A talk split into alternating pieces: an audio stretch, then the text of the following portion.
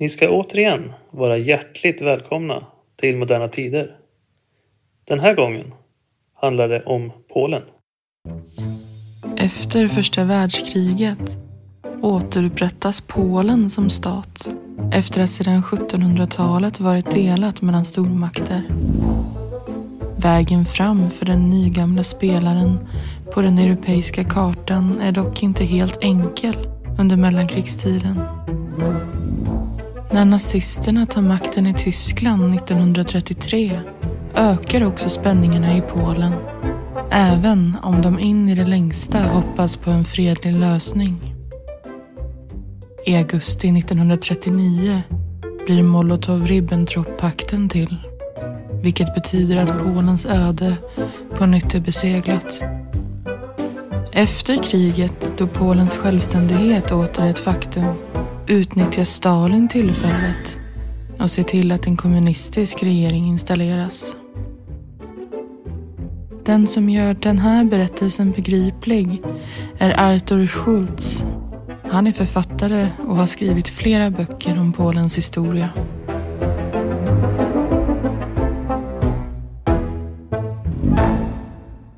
Polen utropade ju sin eh, självständighet eh, i november 1918. Och eh, dessförinnan hade ju landet eller nationen varit uppdelat på tre imperier under 123 år. Landet försvann ju från Europas karta i slutet av eh, 1700-talet och eh, kampen för självständighet och frihet hade ju pågått under hela 1800-talet och sen så blev det ju så att i första världskrigets kölvatten då, så hade det ju skapats ganska gynnsamma förhållanden eh, för Polen.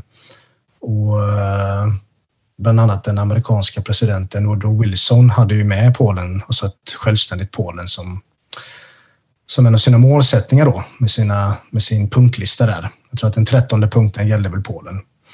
Eh, och polackerna hade ju hela tiden arbetat för sin självständighet så det fanns ju strukturer Eh, som kunde ta vid och eh, när Polens ja, nya landsfader, eh, landsfader Josef Piłsudski såg chansen. Så utropade man sin självständighet som jag sa i november 1918 och därefter var det ju en ganska mödosam process, process att bygga upp ett nytt, alltså en egen nation. Utmaningarna var ju väldigt många här. Och framför allt så gäller det att etablera gränserna. Eh, och gränsproblematiken var det som var det allra tuffaste, kan man säga.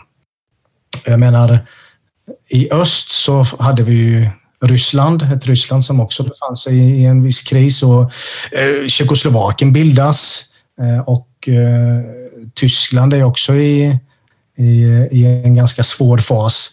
Men eh, polackerna mm, såg till då att, att skapa de här nya gränserna både med diplomati och med krig. Det ska man ha klart för sig att de, det startas en hel del väpnade konflikter här nu då.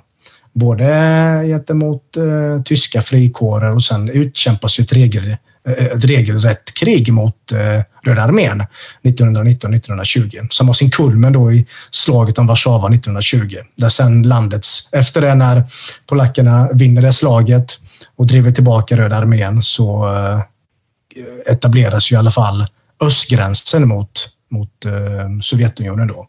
Och sen via lite uppror och eh, omröstningar så får man en ny västgräns, alltså gränsen mot Tyskland och likadant när det gäller Tjeckoslovakien. Så att det är en ganska mödosam process. Eh, men till slut så runt 1921-1922 så är gränserna någorlunda eh, stabila i alla fall och man kan gå över då till att börja bygga upp eh, ett, ett eh, administration, byråkrati med allt vad det innebär. För man ska ju komma ihåg då att när eh, ett område som har varit uppdelat på tre imperier, alltså det är olika byråkratiska strukturer, det är olika valutor, olika skolsystem. Ja, alltså massa utmaningar som ett land måste hantera. Ehm, och, och det gör man ju, även om det är ganska ehm, jobbigt då givetvis och tungt. Jag tänkte på det, den här nationalistiska liksom, drivkraften som fanns eftersom den har varit uppdelad på olika riken. Var den liksom gemensam mellan vad man så att säga hade tillhört tidigare? Eh, skapade man liksom en tydlig polsk identitet? Den, den polska identiteten hade ju aldrig gått förlorad egentligen här. Nej. Utan när, när Polen eh, försvinner från Europas karta i slutet av 1700-talet så eh, lever den polska identiteten kvar. Och med det menar jag framförallt eh, språket, men även kulturen, men framförallt den katolska tron. Den katolska kyrkan blev ju ganska stark eh, kraft här, en sammanhållande kraft. Och eh, men ja, framförallt språket och kulturen. Och så man levde ju på den här eh, frihetstanken också.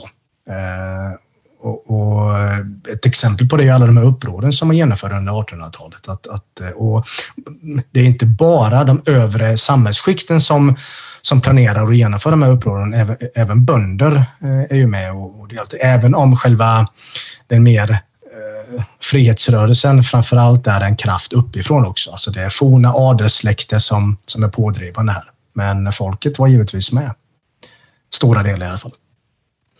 Ja, och det finns liksom en, en, en tanke om att man ska skapa det gamla riket igen. Och säga. Ja, där fanns det olika eh, ambitioner då, i olika politiska grupperingar.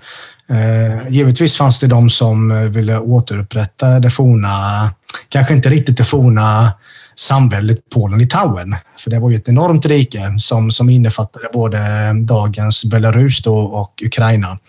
Men framför allt ville man ju ha gränser som är ganska långt österut. Eh, att eh, Polen skulle definitivt eh, eh att Lvov skulle tillhöra Polen, att Vilnius skulle tillhöra, eh, tillhöra Polen. Ehm, så att... Och Josef Piłsudski då, som var en före detta socialistisk revolutionär som sen blev eh, ledare då eh, för Polen under mellankrigstiden. Han eh, hade ju en, en vision att skapa som en slags federation mellan Polen, Litauen och Ukraina, men även Vitryssland då, eller Belarus. Men det, det, den planen gick ju aldrig att förverkliga för ukrainarna skulle inte gå med på det eftersom de befarade, kanske med viss rätta, då, att det skulle ske under polsk överhöghet och det var man inte intresserad av. Och sen har vi andra politiker då, som Roman Dmowski som var eh, Nationaldemokraternas grundare han menade att Polen istället borde skapas, grundas som en nationalstat med, med en stor eh, polsk majoritetsbefolkning. Eh, för det Polen som skapas 1918 och framåt är ju en mångkulturell stat. Alltså knappt, knappt 70 procent av landets befolkning är etniska polacker så att säga, eller polska katoliker med polska som eh, modersmål. Resten är ju ganska stora minoritetsgrupper som tyskar och judar och ukrainare. Så det fanns lite olika eh, målsättningar. Ja, och det verkar inte heller helt okontroversiellt då från eh, grannstaterna så att säga. Eftersom det blev väpnade konflikter som föll också. Nej, precis. Alltså, var gränserna skulle dras. Ja, Bildandet av Polen eh, irriterade givetvis eh, både Tyskland och även eh, Sovjetunionen. Även om Lenin tydligen hade sagt att han gärna, skulle, att han gärna ville se ett fritt Polen, men det var nog kanske mer retorik än något annat och eftersom när konflikten bryter ut mellan polackerna och ryssarna så var det helt klart så att när Röda armén började avancera västerut så var ju målet att nå Tyskland och skapa och sprida revolutionen västerut så att säga. Och Polen skulle bli en socialistisk eh, rådsrepublik. Eh, och eh, tyskarna hade ju svårt att förlika sig med med det som hände efter första världskriget då när Polen fick eh, tillträde till havet och det gick en polsk korridor som bröt upp det tyska riket då i Ostpreussen, den östra provinsen och sen resten av riket. Så att det fanns en viss revanschism som Eh, växte här under mellankrigstiden också. Mm. Och eh. konflikten mot tjeckerna var ju, rörde bara ganska små landområden så att det var inte någon, någon större, eh, något, något längre krig mellan Polen och, och, och Tjeckoslovakien. Nej, men det som bildas i slutet är väl ändå en republik då med någon slags demokratisk eh, författning? Absolut. Eh, det är en republik med en demokratisk eh, konstitution där eh, alla medborgarna har lika, lika alltså rättigheter och skyldigheter. Kvinnor får ju väldigt tidigt rösträtt, det får de från första början. De första demokratiska valen håller man redan i januari 1919. Ehm, och även i den polska konstitutionen så garanteras alla medborgare då lika rättigheter och skyldigheter, även minoriteter. Ehm, så att, ehm, men det går ju inte sådär jättebra då. Dels har man ju kanske ingen större erfarenhet av demokratiska procedurer och frågan är hur... Ja, alltså vissa länder i västra Europa har ju ändå haft eh, längre tid på sig att, att eh, få erfarenhet av demokrati, för det kräver ett visst arbete här. Och det hade ju inte riktigt eh, polackerna på det sättet. Och det resulterar i att de första polska regeringarna blir, är, eller de är ganska svaga. Det är minoritetsregeringar som faller redan efter några månader eh, och så har man nyval och, eller nya regeringar bildas och så vidare. Så att det var en ganska kaotisk period från ja, 1919 fram till eh, 1925-26. Eh, och då genomför Piłsudski sin lilla statskupp och försöker att bringa ordning då i den här oredan som han upplever det som. Alltså det här politikerkäbblet som inte leder någonstans och som eh, inte är till Polens eh, fördel tyckte han med tanke på de här två stora mäktiga grannstaterna som fanns också. Eh, och efter det så går ju Polen mer i en auktoritär riktning under hans ledning då. Men det blir aldrig, det blir aldrig en auktoritär stat på det sättet som vi kan uppfatta det idag och jag vet att jag har, alltså jag har läst eh, omdömen om Piłsudski, att han skulle varit någon form av fascist och så vidare. Men de som säger så, det som hävdar det, kan inte ha läst särskilt mycket om varken honom eller polsk historia. Va? För att visst, eh, det var auktoritärt, men den här Sanatia-regimen som den kallades för, sanering. Sanatia betyder sanering. Man skulle sanera liksom i politiken och i samhället. Det, var ingen speciell ideologi som den den regimen utgick ifrån. Alltså det, det, var inte nationalsocialistiskt, det var inte socialistiskt, det var inte kommunistiskt, det var inte liberal, det var inte... Utan eh, den var lite bara mer auktoritär och den, Piłsudski blev ju som en... Det var ju kring honom som någon slags eh Eh, myt bildades. Va? Det, var, det, var, det var han som var den här ledargestalten. Eh, och eh, jag menar, politiska partier fick kunna fortsätta att, att eh, driva sina frågor. Eh, föreningslivet, eh, kulturlivet och så vidare. Det, det genomgick aldrig någon politisering på samma sätt som i andra stater i Centraleuropa som också gick i mer som Ungern till exempel eh, eller Rumänien. Alltså, samhället militariserades aldrig. Um, visst kunde det förekomma att journalister och så som var kritiska till den här regimen trakasserades och vissa politiska opponenter kanske kunde fängslas. Men på det stora hela så var det väldigt, väldigt mjuk, om man kan kalla det för det, eh, auktoritär regim. Alltså, ja, som, nej, men jag förstår. Ja, men alltså, ja, man, man, måste vara objektiv här och se det på det sättet. För att, eh, ja, det men det är väldigt intressant. Mycket.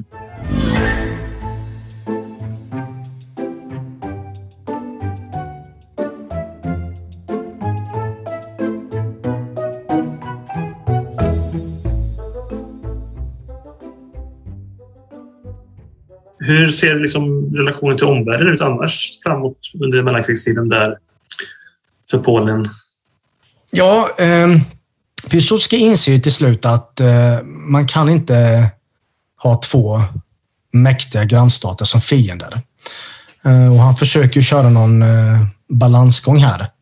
Så man eh, får ju till eh, icke-angreppspakter både med eh, Sovjetunionen och eh, Tyskland det, det, det, enda landet som, var, som man hade väldigt dåliga förbindelser med, det var faktiskt Litauen. Eh, vilket kan ju te sig märkligt då med tanke på ländernas gemensamma historia. Men, men så är fallet. Men där, där nästan tvingar man till sig eh, bättre diplomatiska relationer i slutet av eh, 30-talet. Eh, I övrigt så har man ändå ganska goda relationer med Sverige, bland annat även om man Eh, Eh, inte få till den här försvarssamarbetet som man hade kanske hoppats på under 30-talet. Men man har ju ganska stort handelsutbyte med, med Sverige till exempel. Och, eh, man har även samarbete med Frankrike och så vidare. Så att jag menar det... Inledningsvis var det väldigt trögt, men det stabiliserades eh, till viss del. Sen var det en del ekonomisk krigföring som pågick. Det var tullkrig mellan Polen och Tyskland eh, under ja, både 20 och 30-talet faktiskt. Ehm, och det påverkade polsk eh, ekonomi också. Men eh, trots allt detta så eh, var läget ändå ah, stabilt får man väl ändå säga. Men hur förändras det sen när nazisterna tar över i Tyskland? För det känns ju ändå som att Hitler inte riktigt är så förtjust i det här fria Polen. Liksom. Nej, och där har vi ju den här tyska revanschismen tillbaka. Då. kommer ju sig till känna här. Ehm, men eh, Hitler var ju pragmatiker i början.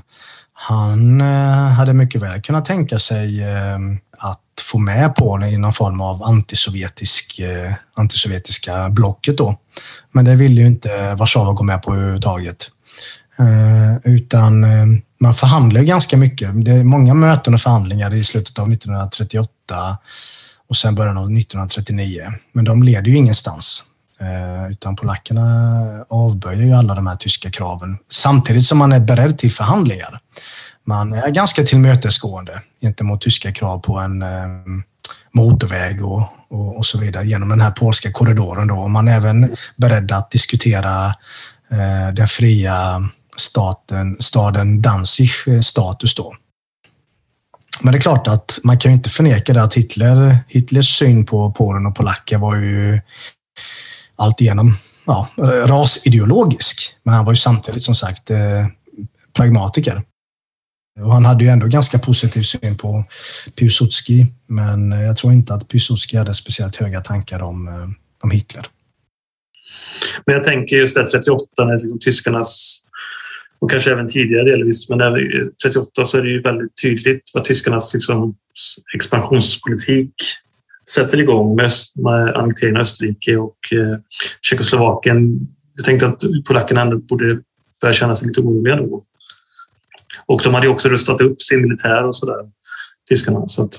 Ja, jo, de... Eh, polackerna trodde ändå att eh, man skulle kunna som säga, klara sig ur den här krisen. Dels genom att kanske förhandla direkt med tyskarna, men även att eh, gå in i eh, pakter och överenskommelser med västmakterna, då, alltså med Frankrike och med, med Storbritannien och på så sätt då neutralisera den här spänningen. Men jag tror att man missbedömde nog Hitlers eh, planer och eh, övertygelse så att säga. Eh, hur, hur eh, pass hur långt han var beredd att gå. Det hade man nog inte riktigt kunnat föreställa sig. Och, eh, Lite som västmakten ja. också gjorde kanske med Hitler. Ja, exakt. Man, man kunde inte fullt ut ta det här hotet på allvar kanske, eller inte kunna förutse då, hur det skulle bli. Polen hade ändå fått vissa garantier av Storbritannien och Frankrike om skydd. Mm, framförallt Storbritannien. Ja. Var det. Och, eh, att man skulle mm, stödja Polen militärt. Då. Även Frankrike, att man skulle anfalla Tyskland då, västerifrån. Men det, och det trodde ju eh, polackerna på.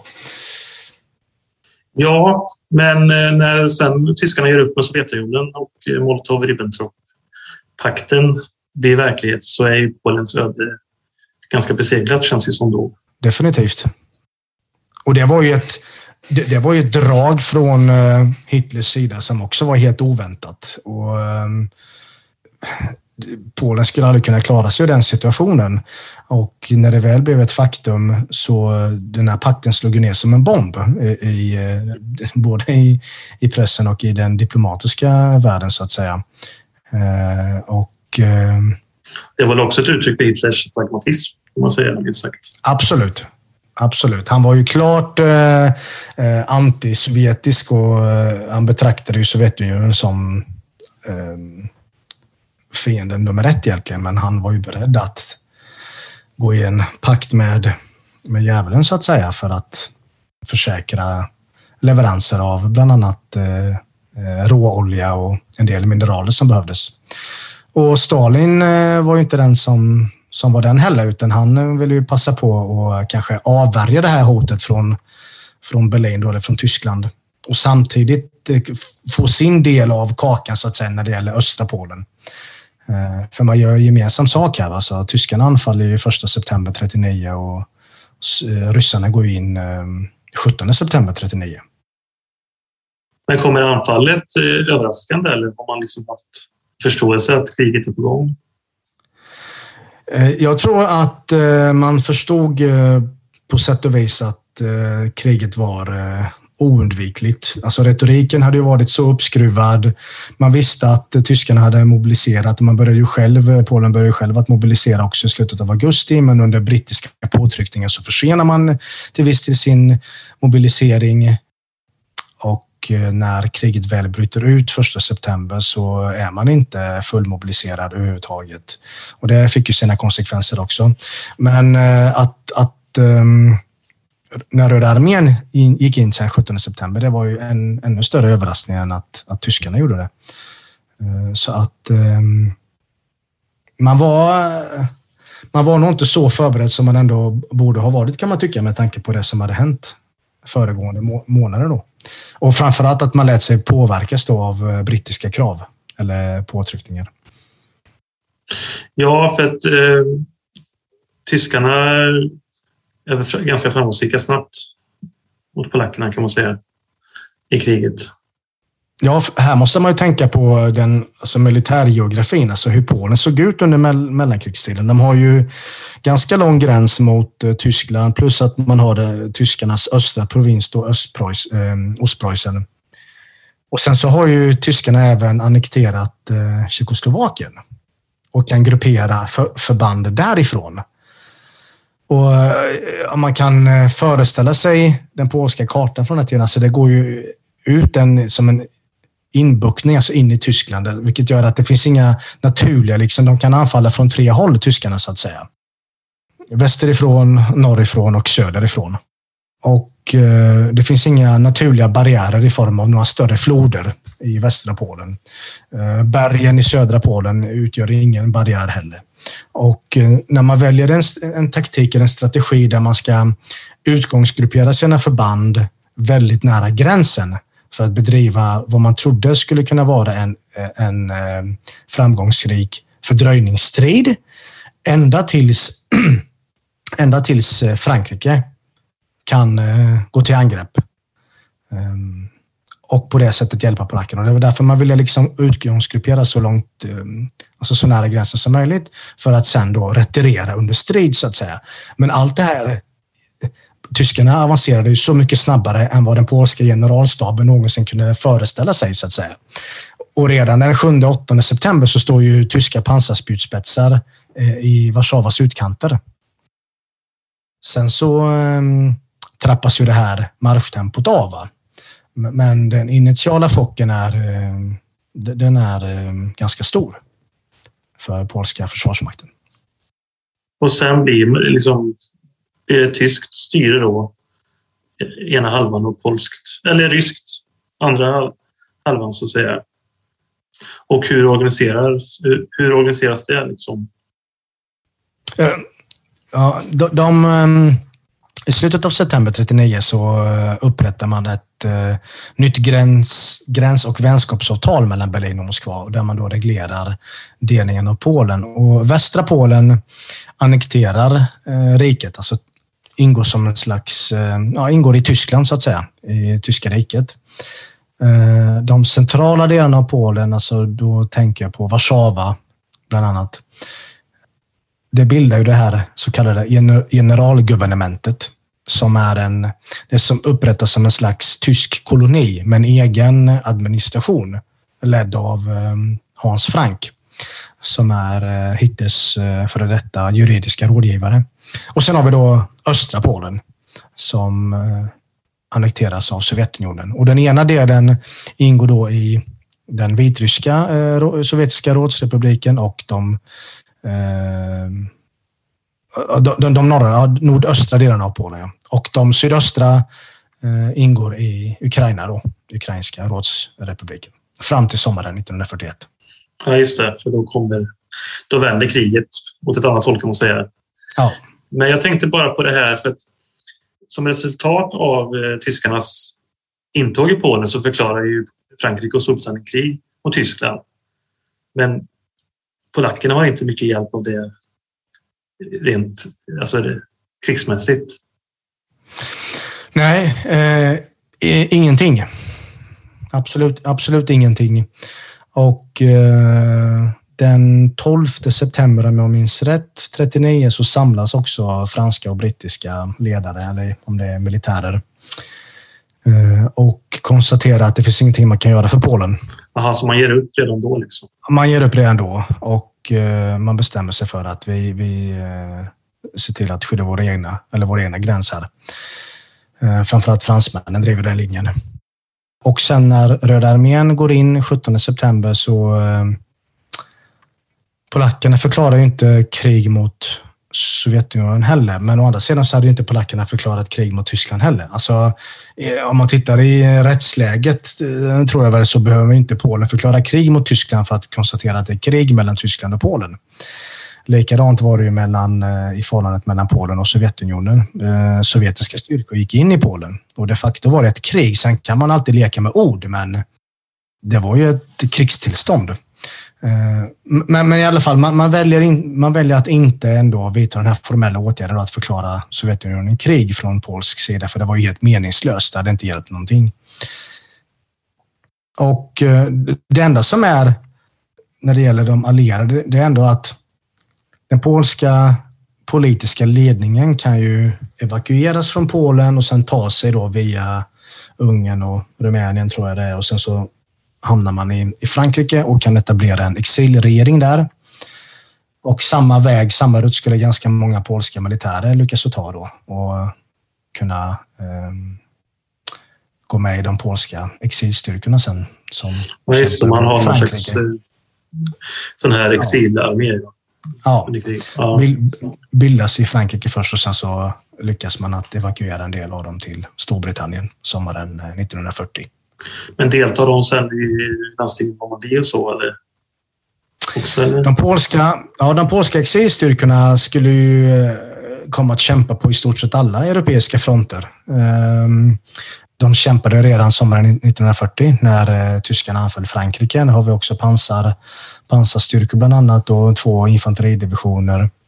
Och sen har vi ju Höglandsbrigaden som kämpar i Narvik 1940 de polska jaktpiloterna under slaget om Storbritannien. Sen så har vi även polska skytteförband som eh, medverkade medverkar i, i ökenkriget eh, och deltar i försvaret av Tobruk och, och de operationerna där. Och sen har vi ju hela Italienkampanjen då, polska styrkor som inte har Monte Cassino 1944 och även landar då som du sa i Normandie också och kämpar då genom Frankrike och eh, Nederländerna och Belgien. Så polackerna är väldigt aktiva kan man säga i kriget? De är, de är väldigt aktiva och sen får man inte glömma bort då att även eh, det bildas även polska förband i Sovjetunionen. Två, två hela arméer ingår i, i Röda armén, då första och andra polska armén. Det handlar ju om över 200 000 polska soldater som eh, deltar i offensiven mot Berlin. Så att, det får man inte glömma heller. Nej, just det. Nej, för att det är ju ganska känt sådär eh, som de polska städerna och hur tyskarna bygger getton och, eh, för den judiska befolkningen. Och, Polen har ju en stor judisk befolkning vid den här tiden. I alla fall större än Tyskland har jag förstått det som. Absolut. Och mycket av de koncentrationsläger och sånt byggs i Polen av tyskarna. Mm. Sen har jag förstått som också att man hela Warszawagettot som man gör ett uppror va? 43 kanske? Man, eh, man samlar ju över 400 000 eh, polska judar i, i gettot i Warszawa som eh, tyska, tyskarna bildade hösten 1940. Och sen så eh, successivt så dör ju ganska många av, av svält och tungt arbete och misshandel och så vidare. Men sen så när man startar då hela förintelsekampanjen och, redan ja, mot sovjetiska judar är det ju sommaren 1941 41, men polska judarna drabbas av det från 1942 kan man säga. Och sommaren 1942 så kommer det till är det Warszawas tur så att säga och gettot där som ska tömmas och de allra flesta av eh, judarna där skickas ju till Treblinka och gasas och kremeras där. Men man lämnar kvar ett restgetto. Alltså man väljer ut, mm, kan det röra sig om, 20-25 000 judar som, som används som tvångsarbetare. Men efter årsskiftet eh, 42-43 så bestämmer man sig för att reducera det gettot ännu mer och till slut så likvidera det helt. Men när man ska gå in och likvidera hela gettot i april 1943, då har eh, två judiska motståndsgrupper lyckats att komma över några få vapen och bestämmer sig då för att göra väpnat eh, motstånd. Och det, man lyckas att eh, ja, strida i två, tre dagar. Eh, och sen så eh, är ammunitionen slut och sen fortsätter då den här kampen från bunkrar och så vidare. Och tyskarna har ju ingen, eh, eller SS, ja, tyska SS-trupper har ju inte någon, har ingen brådska här utan de går ju systematiskt tillväga och bränner ner hus efter hus. Och, och de som man lyckas att eh, tillfångata skickas till antingen tvångsarbete eller dödas på plats. Och i maj 43 eh, så avslutar man hela aktionen då genom att spränga den stora synagogan som fanns i Warszawa. Och sen så demolerade man hela gettoområdet så att det var bara ett ruinlandskap. Ja, jag förstår som att Warszawa var en av de mest bombade städerna under andra världskriget. Ja, eh, både... Här får man ju titta på kriget i sin helhet. Dels, dels det som hände i september 39 och sen så har vi Staden nås ju inte av några direkta, det bombas ju inte av allierade plan på det sättet eftersom det är alldeles för långt bort. Och eh, Röda armén eh, hade inga större bombstyrkor på det sättet. Man ägnar sig inte åt den typen av strategiska långflygningar. Men eh, sen har vi ju då gettoupproret, gettorevolten 43 och sen har vi det stora eh, Warszawaupproret i augusti 1944 när den polska hemarmén då Ehm, försöker att befria staden. Och eh, det resulterar i att mer eller mindre hela stadskärnan och även ja, stora delar av staden utplånas och demoleras av tyska spränggrupper sen när upproret är bekämpat. Då. Så att eh, jag tror att det är ungefär 90 procent av bebyggelsen som är helt förstörd, helt raserad. Man kan ju tänka sig hur det skulle se ut i Stockholm med en sån förstörelse.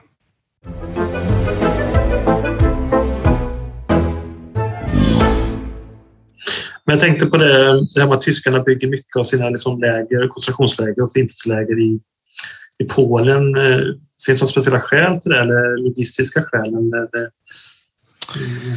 här kan, man ju, här kan man ju få ta del av eh, åsikter och uppfattningar om att till exempel förintelselägren anlades i Polen för att polackerna gav sitt tysta medgivande till att tyskarna utrotade judar. Eh, den som eh, förfäktar en sådan ståndpunkt måste nog eh, lägga fram bevis för att tyskarna ens resonerade i sådana banor. Jag har inte upptäckt det någonstans och jag har ändå tittat på ganska mycket källmaterial och läst tyska eh, vittnesmål och memoarer och, och så vidare. Utan de, tysk, eller, de nazityska förintelselägren, alltså Treblinka, Sobibor, Belchus och så vidare, vars enda syfte var att utrota polska judar. Eh, de byggdes ju alltså i, inom generalguvernementet, som du sa, av logistiska skäl. Det var ju där som miljontals judar bodde. Eh, alltså där man hade tvingat in miljontals judar i getton som redan fanns koncentrerade till getton. Tittar man på eh, tyska planer så hade man de allra första planerna var att bygga gaskammare och, och, och rena förintelseläger lite längre österut i eh, västra Ukraina och i, i eh, västra eh, Belarus då. Men man skrotade de planerna när arbetarna i ockuperade Polen hade kommit längre då. Så att det är i stort sett det enda skälet. Alltså varför, varför ta två miljoner polska judar till en ort i Ukraina när man kan transportera dem några mil, säg tio mil från Warszawa till Treblinka. Alltså det, det var så man resonerade. Och det var inte bara polska judar som eh, gasades i Sobibor. Även eh, judar från eh, Nederländerna hamnade där. Några tio, ja, kunde ha varit 25-30 000 kanske. Um, och sen har vi ju även Auschwitz, men Auschwitz bildade, eller byggdes ju inte först som ett läger för, för, för um, judar, utan det var ju ett arbetsläger för polska politiska fångar. Uh, och sen så bygger man ut då Birkenau och dess stora gaskammaranläggningar eh, och så vidare.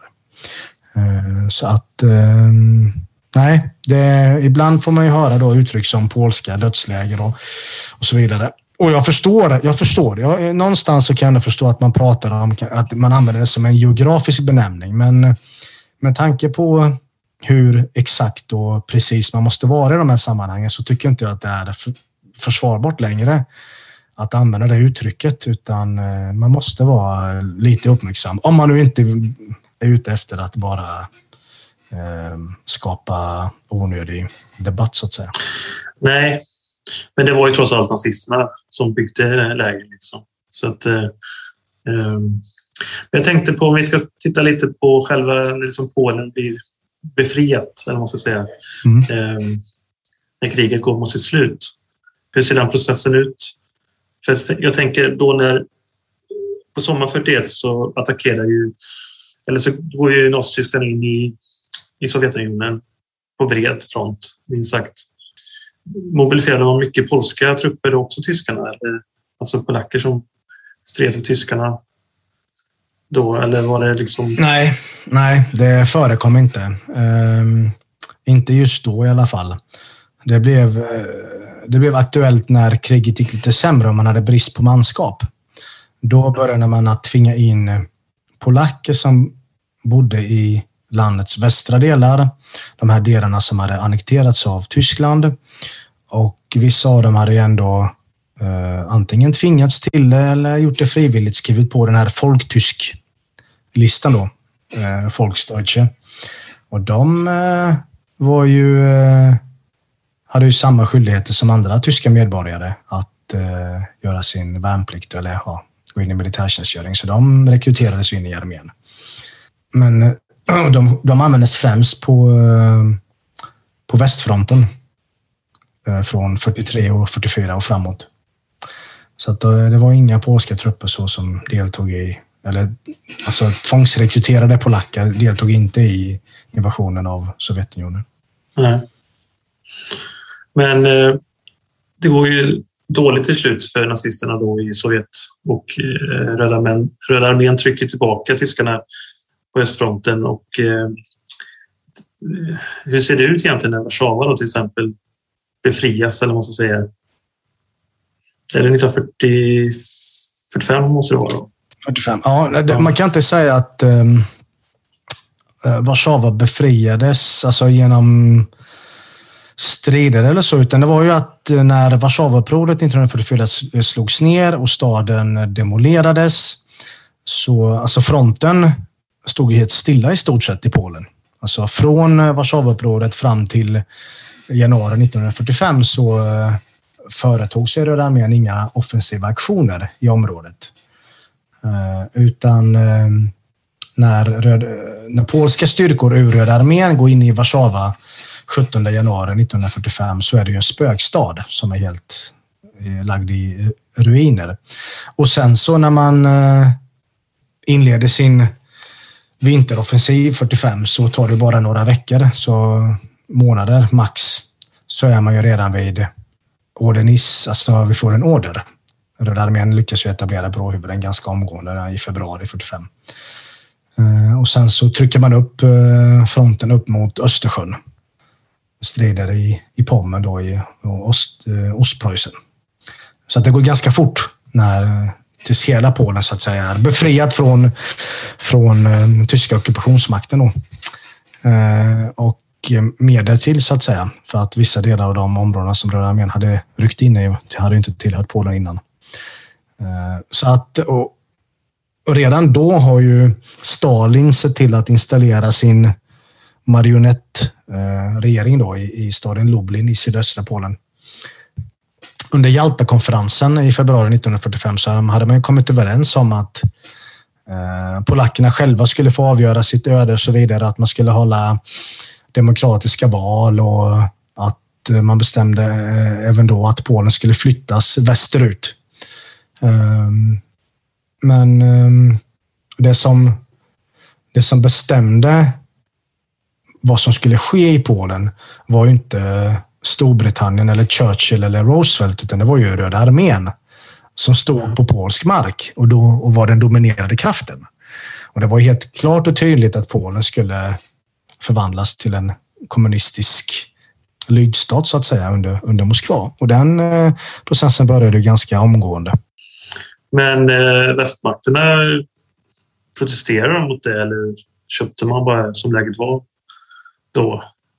Ja, eh, medan eh, kriget avslutades i Europa så pågick det ju fortfarande i Asien och mot Japan. Och eh, USA, USA hade ju inga planer på att Eh, äventyra alliansen med Sovjetunionen eftersom man hade hoppats på att Röda armén skulle kunna kastas in mot, i kriget mot Japan också.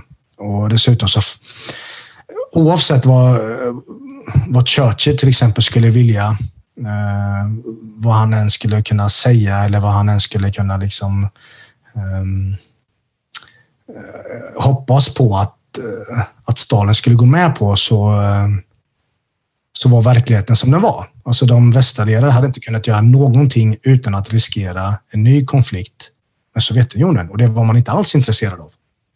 Och Stalin utnyttjade den positionen han hade då kan man säga. Och Stalin utnyttjade det, ja. Ganska ordentligt. Ja. Men vad är det för styre som upprättas då 1945 i Polen? Ja, tills, eh, till, början så, till en början så vill man ju upprätthålla skenet av att Polen ska få välja, att polackerna ska få välja sin regering då i demokratiska val. Då. Eller att man ska få genomföra demokratiska val och sen kunna bilda en regering. Eh, men ehm, redan från början så eh, slår man ju ner oppositionen ehm, den kommunistiska säkerhetstjänsten eh, börjar ju sitt arbete ganska omgående. Eh, vad få eh, känner till det är att till exempel det gamla tyska, det nazityska lägret Auschwitz används som uppsamlingsläge för polska före detta hemarmésoldater, alltså den polska motståndsmän och kvinnor då som kämpat mot Nazityskland innan. De fortsätter ju sen sin kamp även mot kommunistregimen. Och och eh, många av dem interneras då tillfälligt i, innanför stängslet i Auschwitz innan de deporteras österut. Jag vet att man använder Majdanek på samma sätt. Visst är det tillfälligt, men det är ändå ganska symbol, eller symboliskt, men eh, ganska talande för för ja, vad, som, vad som händer i Polen. Sen kan man kanske tycka att eh, ryssarna gjorde det av pragmatiska skäl och inte någon särskild, inte för att påvisa någon särskild ideologisk samhörighet med nationalsocialismen. Men jag menar, det säger ändå någonting om hur auktoritära regimer resonerar. Stalin kanske inte var så sentimentalt lagd eller direkt. Nej, det var han nog inte. Nej. Eh, men, men, men eh, det är en del av det. Eh, man samlar alla människor som man tror kan vara motståndare mot eh, sovjetiseringen. Eh, och så deporterar man dem österut eller så fängslar man dem och vissa av dem torteras ju väldigt svårt och, och dödas i, i fängelser och så vidare. Eh, och sen, som jag sa, man försöker ändå upprätthålla skenet av att demokratiska val ska genomföras. Så man börjar med att genomföra en folkomröstning eh, sommaren 1946 som en pulsmätare då på stämningen i landet. Och bland annat ska polackerna ta ställning till om man vill att eh, statsmakten ska nationalisera företag och sen, och sen om man ska fastställa gränsen mot Tyskland och så vidare. Jag tror att det var tre frågor och eh, det gick ju inte riktigt som regimen hade hoppats på, men man eh, manipulerar ändå valresultatet. Eh, och sen i januari 1947 ska man genomföra riksdagsval då. Och samma sak där.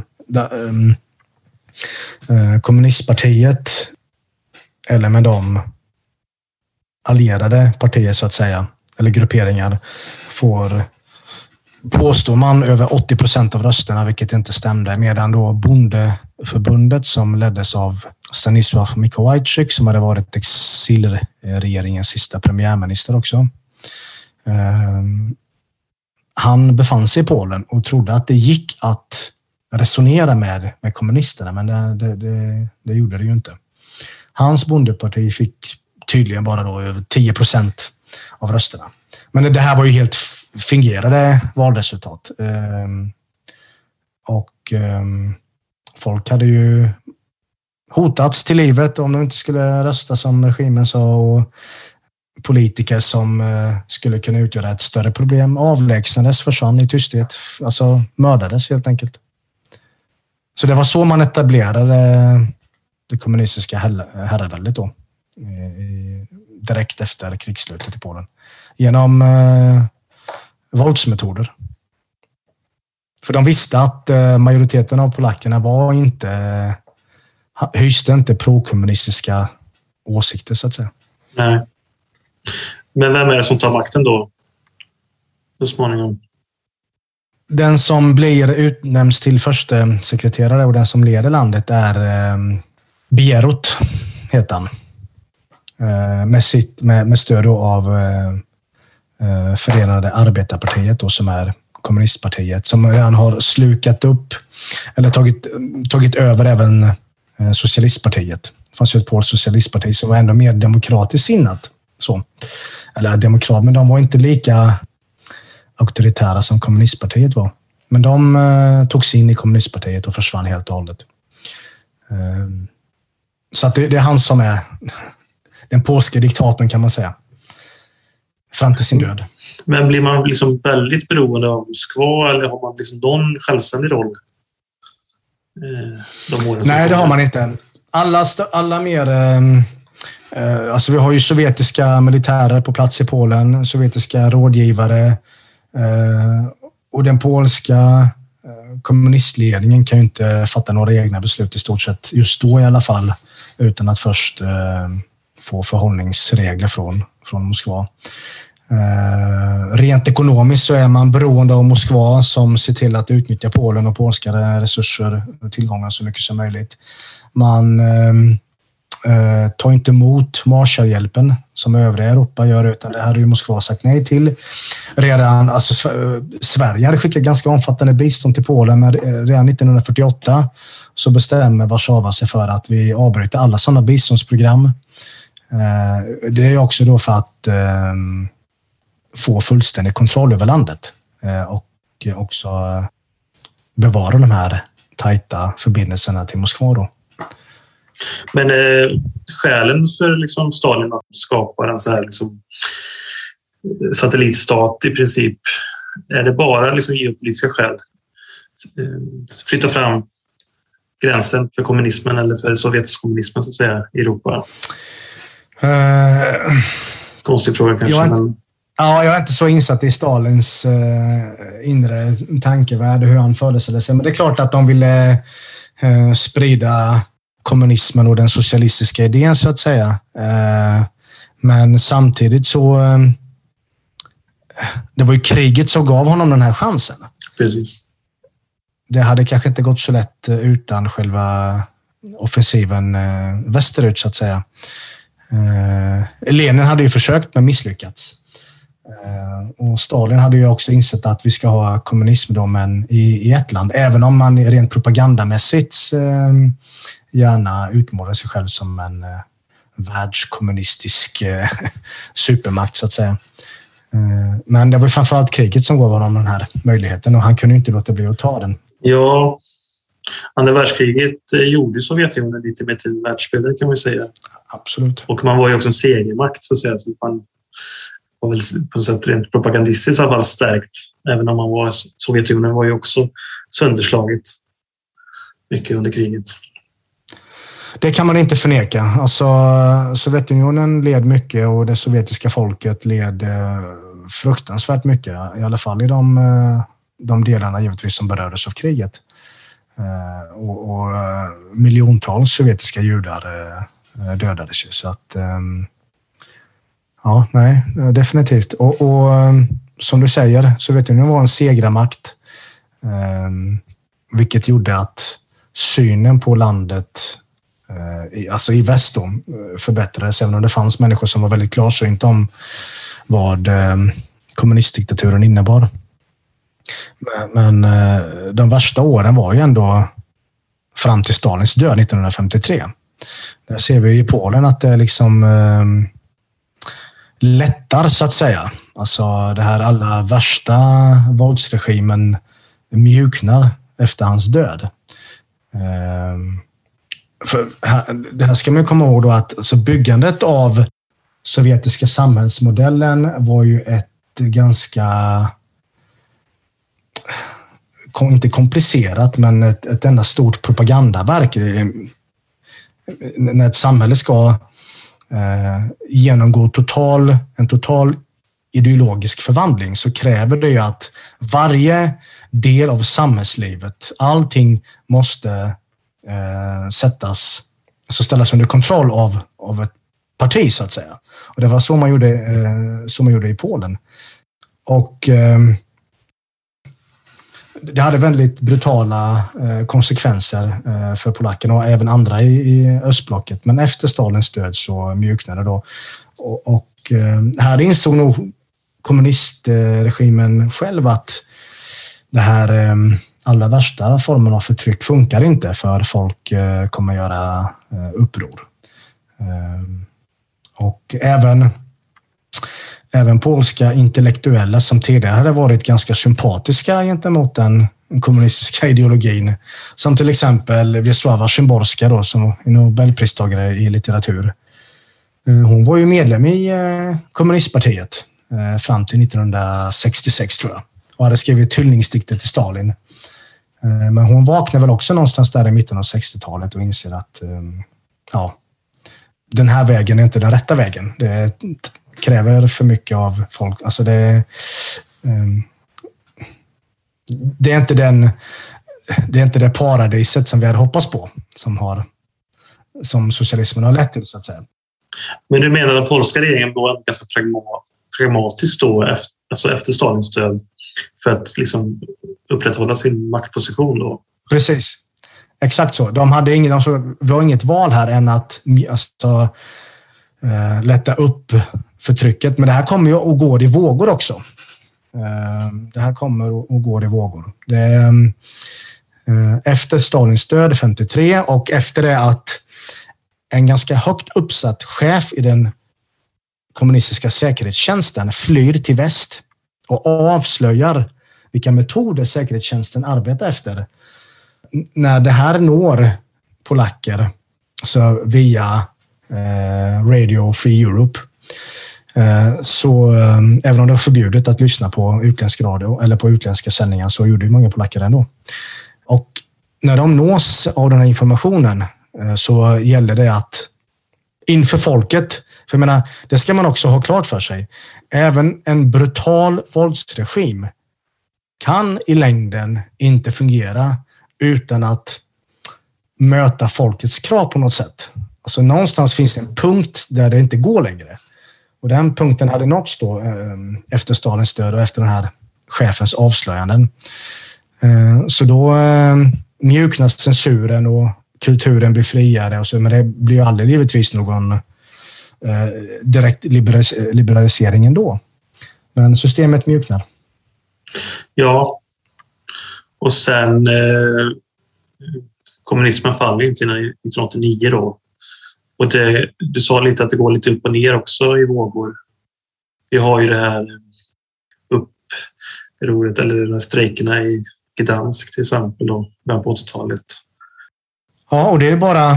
Det var ju den senare eh, vågen av strejker för att i Polen, man kan säga så här att för att förstå lite av polsk mentalitet och polska folksjälen så att säga, så var nog Polen det landet som var mest bångstyrigt också gentemot Moskva. Och då menar jag nog, ja, jag menar inte själva kommunistpartiets ledning och nomenklaturan, utan jag menar folket. Eh, åren efter krigsslutet så är det som jag nämnde att man genomför en Eh, socialisering på väldigt många plan, på eh, det kulturella planet, på det ideologiska planet. Folk utsätts för massiva propagandakampanjer. Eh, jordbruket och så vidare. Alltså, jordbruket ska kollektiviseras och företagen nationaliseras. Men Polen är ett av de länderna där kollektiviseringen eh, går allra sämst. För bönderna vill vara fria. Bönderna var bundna till sin mark. Det var ju den de hämtade sin försörjning. Och polska bönder vill gärna vara fria. De vill inte ha någon övermakt eh, över sig. Eh, och en annan kraft som kommunistpartiet aldrig lyckades att knäcka, det var ju den katolska kyrkan. Man gjorde ju allting som man kunde liksom för att stänga kloster, sätta polska ärkebiskopen och, och eh, i, alltså i, i husarrester och så vidare. Men, och man får kyrkan på knä mer, mer eller mindre, men man lyckas aldrig att knäcka den. Och framförallt lyckas man inte att göra, förvandla polackerna till kommunistiska ateister. Trots förbud och trots propaganda och så fortsatte eh, polacker att gå i kyrkan och gå till mässan. Eh, det var också ganska unikt. Ehm, och den här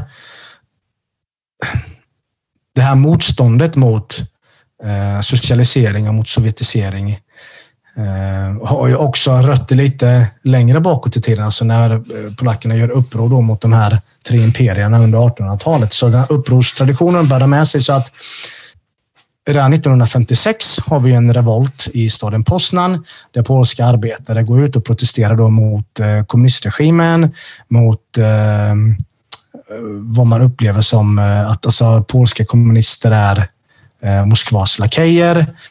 Eh, man ehm, eh, vill ha eh, höjda löner och så vidare. Och det här, den här arbetarrevolten slås ner ganska brutalt av regimens säkerhetsstyrkor och även armén. Sen, har vi, sen fortsätter detta. Då. Sen så tar eh, Gomuka makten eh, och han genomför en viss liberalisering av ekonomin och av eh, kulturen och, och, och censuren lättar och så vidare. Men sen så efter några år så är man tillbaka igen till att liksom stärka greppet om samhället. Sen så har vi 1968 som är studentrevolterna i väst som också får eh, sin eh, version då i Polen eh, 68-69. Och sen har vi även arbetar Eh, uppror i Radom 1970, sen har vi 1976 likadant. Vi har även ganska stora demonstrationer och strejker i, i Gdansk i december 1970 med ganska eh, tragiska följder för arbetarna där. Ganska många arbetare skjuts ihjäl. Och sen så har vi eh, 1980 då med Eh, solidaritet och varven i Gdansk och även i Szczecin som, som strejkar. Eh, så att ehm, ja, varje årtionde fick regimen så att säga hantera ganska stora eh, arbetarprotester. Jag tänker i Tjeckoslovakien och i Ungern, där ingriper Sovjetunionen när det är uppror, men i Polen ingriper man aldrig eh, militärt. Det gör man inte och det är också en del av Polens eh, unika eh, situation så att säga. Man insåg det att eh, det gick inte att... Om man hade skickat in Röda armén på det sättet som man hade gjort i, i Ungern så hade det slutat på ett helt annat sätt. Det hade slutat i regelrätt inbördeskrig. Eh, det hade, det hade aldrig gått så att säga. Och Gomuka då, eh, lyckades 1956 att övertyga Moskva om att Polen ska, eh, ska fullfölja vägen mot socialismen, då, eller den socialistiska vägen, men vi måste göra det på vårt sätt. Eh, och det accepterades då. Man, man, eh, man, man köpte det i, i Moskva. Och likadant eh, när general Jaruzelski ska slå ner på Solidaritet i december 1981 så är det ju samma sak där. Att vi måste hantera det här internt. Och Moskva hade redan sagt till honom att vi kommer inte gå in. Ni får hantera det själva. Ja, det är ju väldigt intressant det där. Att man ändå liksom är pragmatisk på något sätt gentemot det också, då, är liksom strategisk. I mm. Att man är konsekvenstänkande. Ja, man hoppades också kunna ja, man, man, hoppades att kunna bevara. För Jaruzelski var det också att um, för honom som militär, han var ju general, så gällde det att ändå Eh, se mm, vissa fördelar. Och om han genom sitt agerande ändå kunde se till att kommunistpartiet eh, behöll sin eh, maktposition i samhället så även om man tvingades till lite eftergifter gentemot oppositionen så tyckte han att det, ja, det var väl ändå ett bra, ett bra resultat så att säga. Nu blev det inte som man hade hoppats på. Men... Nej, 1989 då så faller kommunismen till slut. Och det verkar ju vara ganska, så att säga, det sker ju ganska och dramatiskt egentligen då. Det, det, det är ohållbart i längden. Det är ohållbart och här eh, kan man ju betona den här viljan ändå från, eh, eftersom eh, kommunistpartiet inser att eh, om vi nu ändå ska kunna behålla någon form av makt i samhället så måste vi förhandla med oppositionen. Och det så var det ju den absoluta majoriteten av polackerna var ju emot systemet och det gick inte att upprätthålla det på, på det sättet längre. Eh, och när regimen och oppositionen sätter sig ner och förhandlar så eh, lyckades man då att med gemensamma krafter eh, ha en någorlunda fredlig övergång då till ett demokratiskt samhälle. Mm jag tror vi avrundar samtalet där. Eh, om inte det är något mer du vill tillägga? Nej, Eh, det vill jag inte. nej, Tack för samtalet. jag hade tackat dig Artur Schultz eh, för det. Tack själv. Du har hört ett avsnitt av Moderna Tider. Gäst var Artur Schultz. Programledare Stefan Hjalmarsson. Speaker Matilda Säv.